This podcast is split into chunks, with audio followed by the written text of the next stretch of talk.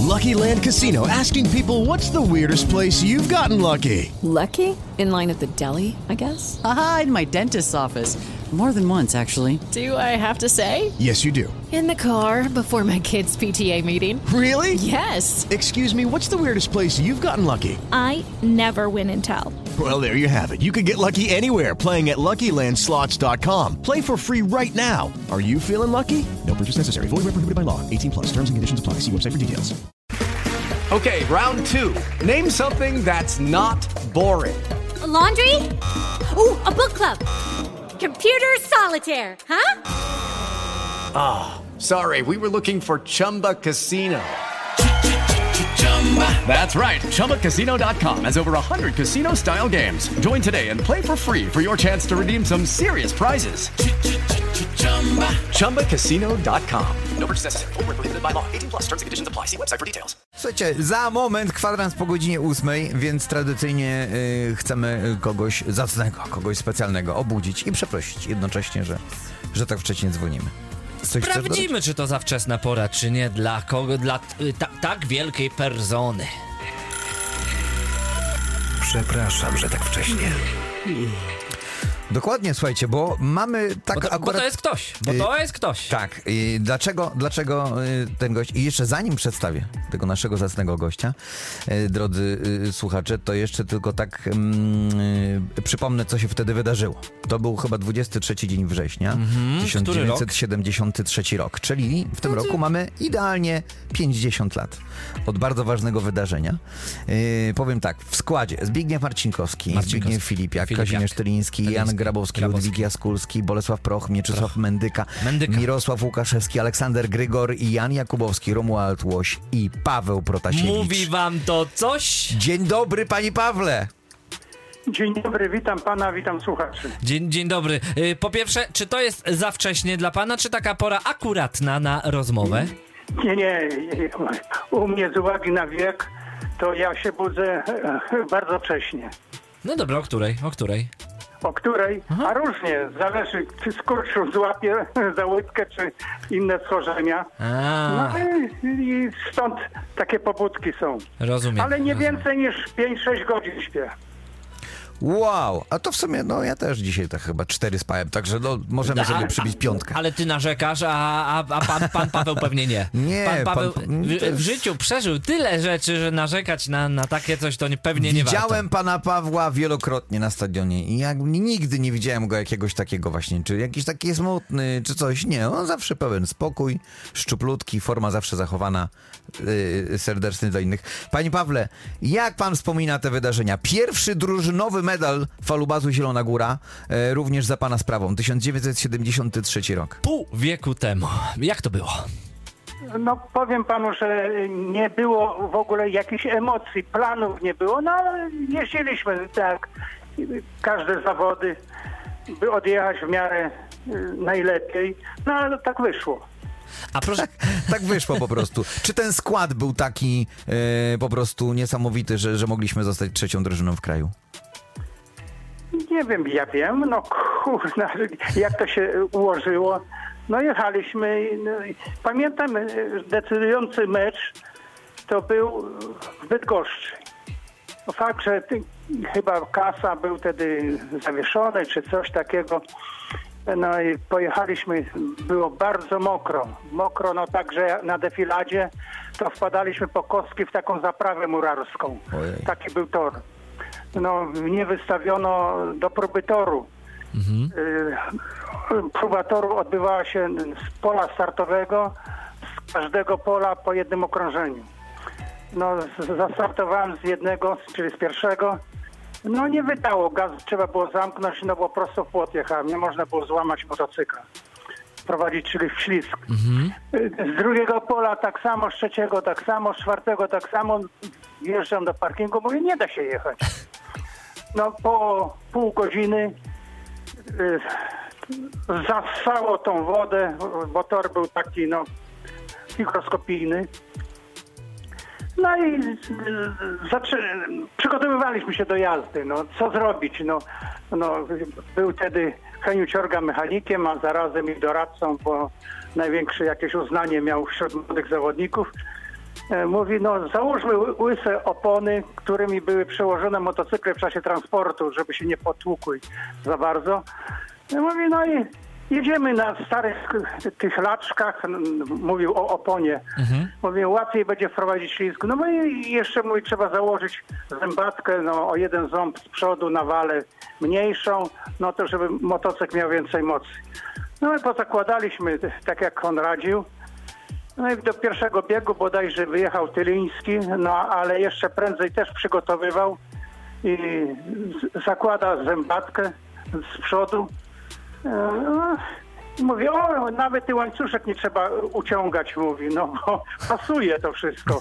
No i się okazało, że on się pomylił, zębatkę 18 na 18 założył, nic innego. No i wygrał start, szatkował niesamowicie i gdzieś o jedną dziesiątą od rekordu toru. No jak on tak dobrze pojechał, to nam też nie wypadało. Też trzymaliśmy gaz, ile szło. No i wygraliśmy ten mecz. I to chyba było decydujące, że tam tych y, było punktów dosyć od końcowej klasyfikacji. O, o dziwo, że byliśmy y, w punktach zdobytych i straconych z punktami ujemnymi. O, No to, to, no, to Ale- taki no, ewenement. Że śmiali się niektórzy z nas, no oj, wicemistrzowie z ujemnym punktem. hehe. To, to tylko falubas, to można, można tak zrobić, można tak zrobić. Panie Pawle, y, y, pan, pan właśnie opowiada pan o tych torach. E, bo przecież by, bywały i kartofliska i tak dalej. Przecież to były drewniane bandy. Y, Pan jeszcze jeździł na tych szerokich kierownicach z rurą wydechową i, i ja spotykam się jeszcze często. No niestety mnie jeszcze na świecie nie było, gdy pan sięgał po ten sukces. Urodziłem się 9 lat później. Yy, nawet tak, 7 plus 2, tak, 9 lat później. Natomiast moi rodzice często wspominają, mówiąc właśnie o tamtych wydarzeniach, że to był żużel, to był żużel. No i właśnie- To człowiek był czarny. Jak s- staliśmy na łuku, wszyscy przychodzili na te stadiony. To po prostu było, yy, nie było żadnego miejsca. Mimo, że nie było miejsc siedzących za dużo, to i tak nie było nawet czasami gdzie stanąć. I chcemy w, w te, tym samym spytać taką główna, y, jaka jest taka główna cecha, która różni ten współczesny żużel od tego, od tego żużla 50 lat temu? Jest pan w stanie powiedzieć? Wszystkim się różni. Przede wszystkim kibice przychodzili na stadion i wracali w takim y, brudzie zabrudzeni jak zawodnicy. Aha. Że od razu szli do kąpieli, a ubiór jakiś był biały czy coś, no to nie nadawał się już do wyprania, gdyż y, tak zwana szlaka z pieca po spaleniu węgla to, no, to był podkład na torze. No i, i to czerniło niesamowicie. Druga sprawa, ubiór. Ubiór zawodników, no to nie stanowił y, żadnej ochrony na owe czasy. No bo jakieś y, czołgistów ubiory, y, y, s- spodnie osobno, kurtka osobno była. Jak się podwinęło, no to i plecami gołymi jechał. Na kolanach, na innych nie było okraniaczy. Nikt tego nie znał na owe czasy. Motocykle też były łańcuchy, tu chodziły bez osłon, że nawet był przypadek, y, jeszcze zanim ja zacząłem jeździć, jeden z zawodników zielonogórskich przewrócił się i wpadł była dłoń między łańcuchy i no i palce zostały amputowane, także e, zupełnie, no ale nikt nie przywiązywał wagi do tego, że jakieś niebezpieczeństwo jest, no, godził się na to, siadał i jeździł, no ja pojechałem na żurze, miałem chyba z 10 lat pierwszy raz, no z otwartymi ustami oglądałem to, bo y, nie mogę wprost uwierzyć, jak to to jedzie w lewo, kierownica skręcona w prawo. no i, i jeszcze taki huk, no niesamowity, no, że to było straszne dla mnie. No później dorosłem do tego stopnia, że no, WS-ki, WFM-ki i inne motocykle dostępne w czasie tym no, były za wolne dla mnie. No to mówię, pójdę te- na żurze, spróbuję e, przejechać się no, tym prawdziwym motocyklem. No ale nie chciałem powiedzieć, że ja chcę się przejechać. No chcę trenować. No ale jak zobaczyli mnie szczupłego takiego e, niedorośniętego, no to wszyscy no e, bardzo się dziwili, bo w tym czasie to każdy przychodził, kawał chłopa musiało być z 1,80 m wzrostu, no bo trzeba trzymać ten motocykl. No, no takie były, a teraz zaczyna się szkolenie od ósm- ósmego roku życia, dwunastego, dosłownie dzieci z przedszkola prawie, że.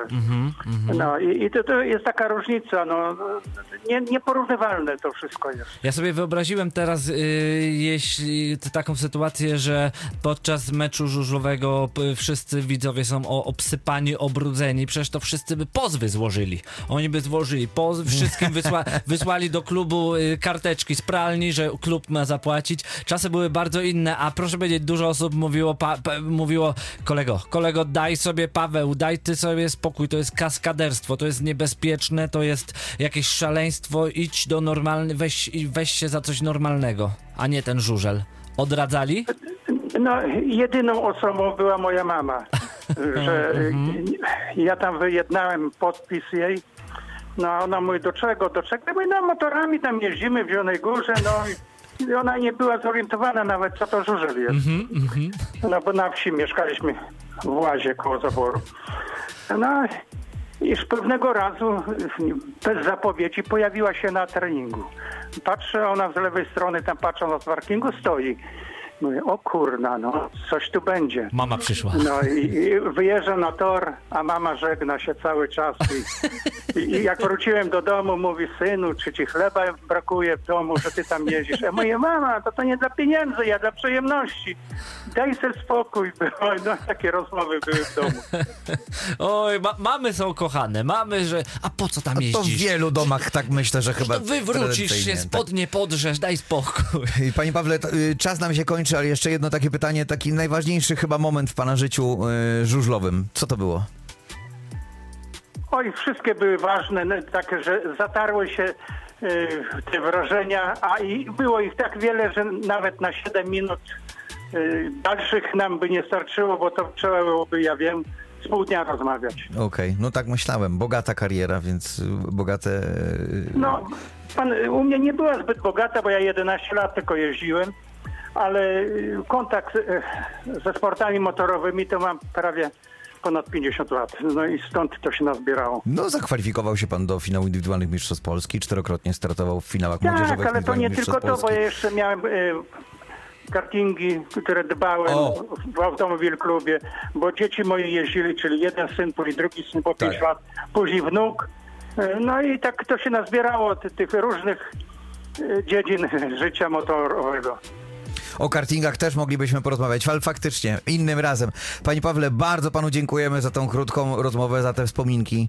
Dziękujemy bardzo serdecznie. Życzymy zdrowia, życzymy, żeby żaden skurcz nie musiał budzić, tylko żeby, żeby, żeby pana Pawła Protasiewicza budził pan Paweł Protasiewicz, a nie skurcz, prawda? Życzymy, żeby jak najmniej tego było i wsze, wsze, wszelkiej pomyślności, panie Pawle. Dzięki za życzenia, dzięki. Wszystkiego dobrego. A naszym i waszym gościem, e, nasi drodzy słuchacze, był Paweł Protasiewicz, były żużlowiec falubazu Zielona Góra. Przepraszam, że tak wcześnie.